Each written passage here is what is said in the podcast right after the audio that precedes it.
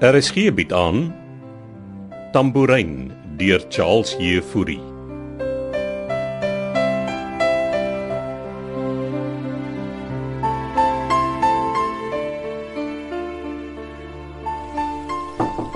Binne. Ons praat weer later, Susan. Môre, Amelia. Beekman. Is jy nou al terug van die plaas af? Ja, gistermiddag al ek moes Susan terugbring. En nou, hoe was julle romantiese uitstappie? Asseblief, Amelia, ek het nie tyd vir grappies nie. Ag, moet jy altyd so pynlik ernstig wees? Daar's 'n tyd en plek vir alles. As jy hier is om Wynand te sien, hy slaap. Hoe gaan dit met hom? Soos ek sê, hy slaap. Ek het nuus vir hom oor die renosters. Jy kan my maar vertel. Twee van hulle is geskiet. Die ander is alright. En het hulle die horings verwyder? Hulle het begin maar nie so ver gekom nie. So, julle was daar in betyds. Nee, nee, ons ons was nie. So, hoeveel is die horings werd? Wat bedoel jy? Die renosters wat geskiet is, se horings. Jy sê hulle is nie verwyder nie, so dan kan ons dit mos verwyder. Om om wat mee te doen? Oh, mens kan hulle seker verkoop, iets terugmaak. Wynand het 'n belaglike klomp geld vir daardie renosters betaal. Jy jy, jy wil die renosters se horings verkoop. Ja, ons moet 'n mark vir die goed. Mens kan nie net renosterhorings verkoop nie, Amelia. Daar daar geld baie streng wetgewing. Hulle hulle kan jou toesluit. So, wat doen mens met die goed? Dit is vir Wynand om te besluit. Dit is tog sy renosters. 'n Wynand is nie in 'n toestand om enige besluite op die oomblik te neem nie. Gaan kry die horings vir my en bring hulle hierheen. Miskien kan ek hulle op my lesenaar uitstal. Ek het hulle klaar van die renosters afgehaal. sien? As ek jy gevra het nie, het jy hulle 10 teen 1 gaan probeer verkwansel. Jy bring hulle vir my. Jy moet seker die mees gevoellose mens wees wat ek ken. Beekman, wat is so 'n renosterhoring werd? Ek weet nie ek. Ek het al gehoor iets soos 100 tot 200 000 dollar as jy moet weet. Nou toe, daar het dit. Bring vir my die horings. Ek wil dit uit Wynand se eie mond hoor. Ek sal hom vra om jou te bel. Intussen hou ek die horings by my. Wynand gaan 'n hele ruk buite aksie wees, so miskien moet jy daaraan gewoond raak om aan my te rapporteer. In daai geval mag ek dalk net bedank, Amelia. Be my guest.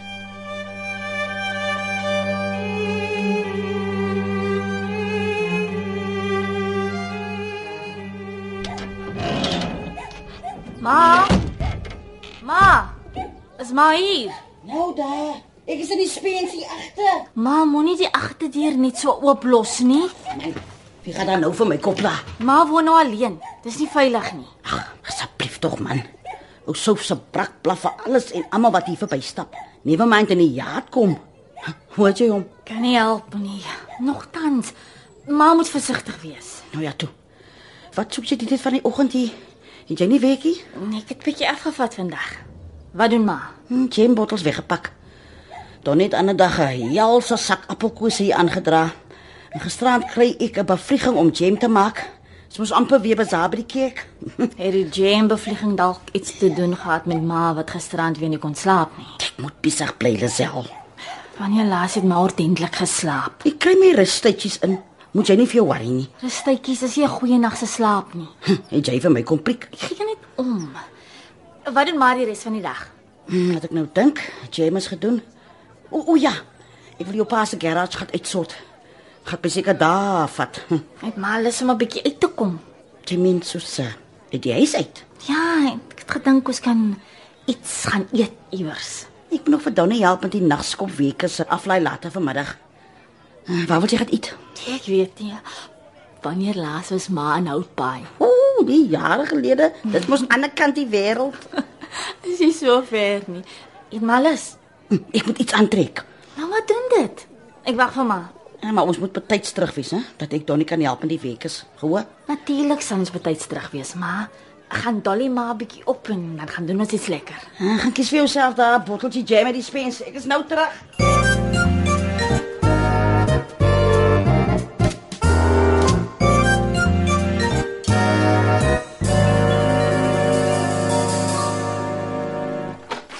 Mag nie glo wat se oproep ek sopas gekry het nie. Lyk my kantoor vir jou soos 'n grotlenk. Ja? Sorry ek het nie geklop nie, maar ek het baie goeie nuus. Ah, Asseblief, ek kan doen met goeie nuus. Ek weet waar Armand is. Hoe so? Wel, okay, nie heeltemal nie, maar die polisie het my nou net gebel en laat weet hulle vermoed hy's op Mamesbrie. Wat op aarde doen hy daar? Iemand het hom op die dorp gesien. Mamsbury. Maar ek ken niemand daar nie. Hy's glo saam met 'n groep jong ouens gesien. Wat 'n groep jong ouens. Is jy seker dis Armand? Volgens die polisie en die beskrywing van die persoon wat hom gesien het, klink dit soos Hm, Armand. En weet hulle waar hy nou is? Nee. Maar ehm um, ek het gedink ek moet dalk deurry soontoe. Om wat te doen? Om te gaan soek in Maamsbury. Maar hy moet daar iewers wees. As dit hy was, Linka. Kan ek maar se pos leen? Jy gaan nie op jou eie soek doen nie. Maar ek gaan net rondry en kyk of ek hom kan sien. Jy vat Beekman saam en jy ry met sy bakkie. Beekman. Ag maar, die man is so nors. Beekman is opgelei vir die soort goed. Ek sê my jou pa reël dat hy hom bel en vra om saam met jou te gaan. Okay. Maar ek wil so gou as moontlik ry. Die polisie het my die naam van die persoon gegee wat hom gesien het. So die kans is goed dat ons Armand gaan kry. Solank jy Beekman saamvat.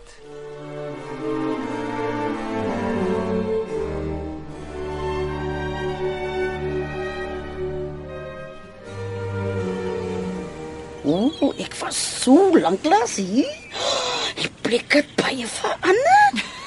Dis nou 'n groot toeriste aantreklikheid maar. Ek en jou pa het in die ou dae hier kon date. Wat al vertel. Dis hoekom ek maar hierheen wil bring. Jy wil nou net trane in my oë sit lesel. Waar het julle gewoonlik gaan eet? Hoe kan jy so onthou nie? Ha, Nee nee, wag 'n bietjie. Daai plekkie lyk vir my bekend. Oh, so wat? Dis dieselfde plek. Wat? Daai vis en chips plek. Einste, die beste vis en chips in die wêreld. Oh man, dan gaan eet ons daar. Ah, nee, ou da. Ek praat nou van die 50s. Was dit eintlik 'n winkeltjie waar die visse manne hulle hulle shoppie kon doen het. Maar toe het Mr Broderick en sy vrou die vis en chips winkel begin. Kan nie glo die plek staan nog nie. Gaan ons sommer buite by die bankie sit. Ja, dan kan ons sommer van die robbe van die jaf sien. Ooh. Ja. Hulle het baie fancy gemaak. En die ou daad jy sommer self gaan bestel en jou vis en chips op papier geëet. Ek seker hulle het nou kelners. Ai tog. Nou moet ek jou pa vreeslik. Ek mis hom ook. Sy grappies en stories wat hy heeltyd vertel het. Hier is moeilik vir my. My sou wil hê ons moet aangaan met ons lewens en die goeie herinneringe koester. Dan ek hierdie ander aan sy goedjies begin te uitsort. Toe maar weer nie kon slaap nie. Ag, sjoes nou. Maar laat ek vertel. Dis jammer. Onthou jy toe jou pa jonger was, was hy mos deel van die Elsie's Entertainers se toepe met sy pink pakkie. Ek het al vergeet pa was deel van die klopse. Elke jaar moes ek daai pink broekie van hom al weier maak om die heupe, soos sy ou pensie uitgeswel het. van almal se lekker O, kos. ja, nou ja, shame. En daar sit ek die ander aan by die boks wat ek uitpak en kom op sy kostuum af. En sy ou tamboerijn. Ja, ek hy amper. Maar dis dis mooi herinneringe. Ek weet toe. Wat ek eintlik vir jou wil vertel is jou pa het altyd gesê as hy die dag nie meer daar is nie, moet ek die tamboerijn vir jou gee. En dis nou vir ons is. Kan nie pa se tamboerijn vat nie. Dit moet daar dan nie toe gaan. Miskien sluit hy nog aan by die entertainer. Jou pa het uitdruklik gesê daai tamboerijn is joune. Maar laat my nou sommer reël. Ja tog. Miskien moet ons bestel en eet. Goeie idee. Ek's honger. Onthou my nou as ons by die huis kom dat ek die tamboerijn vir jou gee. Jy moet hom mooi oppas my kind. Want hy kom met 'n lang geskiedenis met jou pa saam. Natuurlik sal ek maar. Nou maar. Wat is dit vir my? Soos jou pa daarvan sou hou.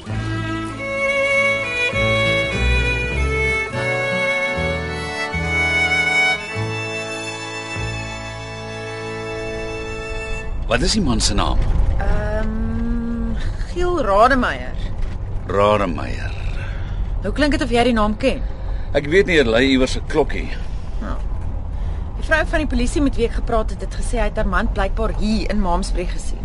En dis nou die Rademeier wat hulle gebel het. Dis wat sy gesê het, ja. Werk hy by die slaghuis? Eh, Ek weet nie, dis die adres wat sy my gegee het. Goed, ek dink jy moet 'n bietjie in die bakkie wag. Wat? Nee, ek kom saam. Ek's nie jou ma nie, Linka, Hoekom moet ek in die bakkie wag? Dis my broer. en jy's my verantwoordelikheid. So, tot ek uitgepleis het waar en hoekom Armand hier is, gaan jy my instruksies volg.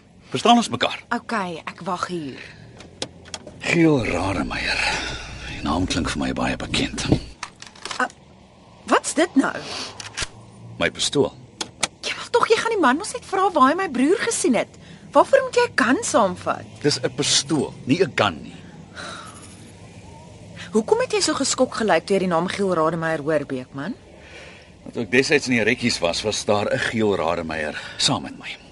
En wat se kans dat dit dieselfde Giel Rademeier is? Jy is te jong om te verstaan, maar uh, kou hieraan. Alhoewel elke tweede ou deesdae wat spog dat hy 'n rekkie was, was daar nie veel meer as 1000 van ons in die bestaan van die eenheid nie. So omtrent almal het mekaar geken. Is dit hoe jy my pa leer ken het? Jou pa en sy broer was daar lank voor my. Giel Rademeier? Kyk, as dit die geel is wat ek ken, dan is hy nie die soort ou wat in 'n slaghuis sal werk nie. En daarom vat ek my pistool saam.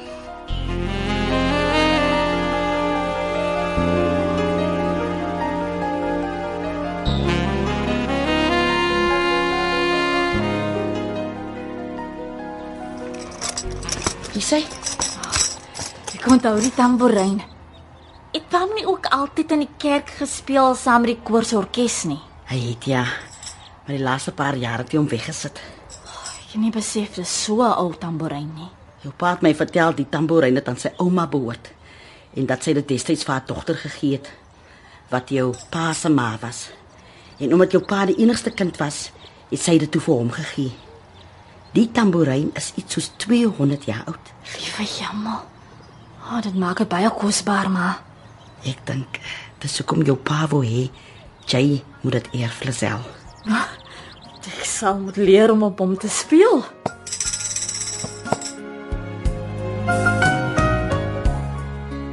Tambourin word vir RSG geskryf deur Charles Heffury.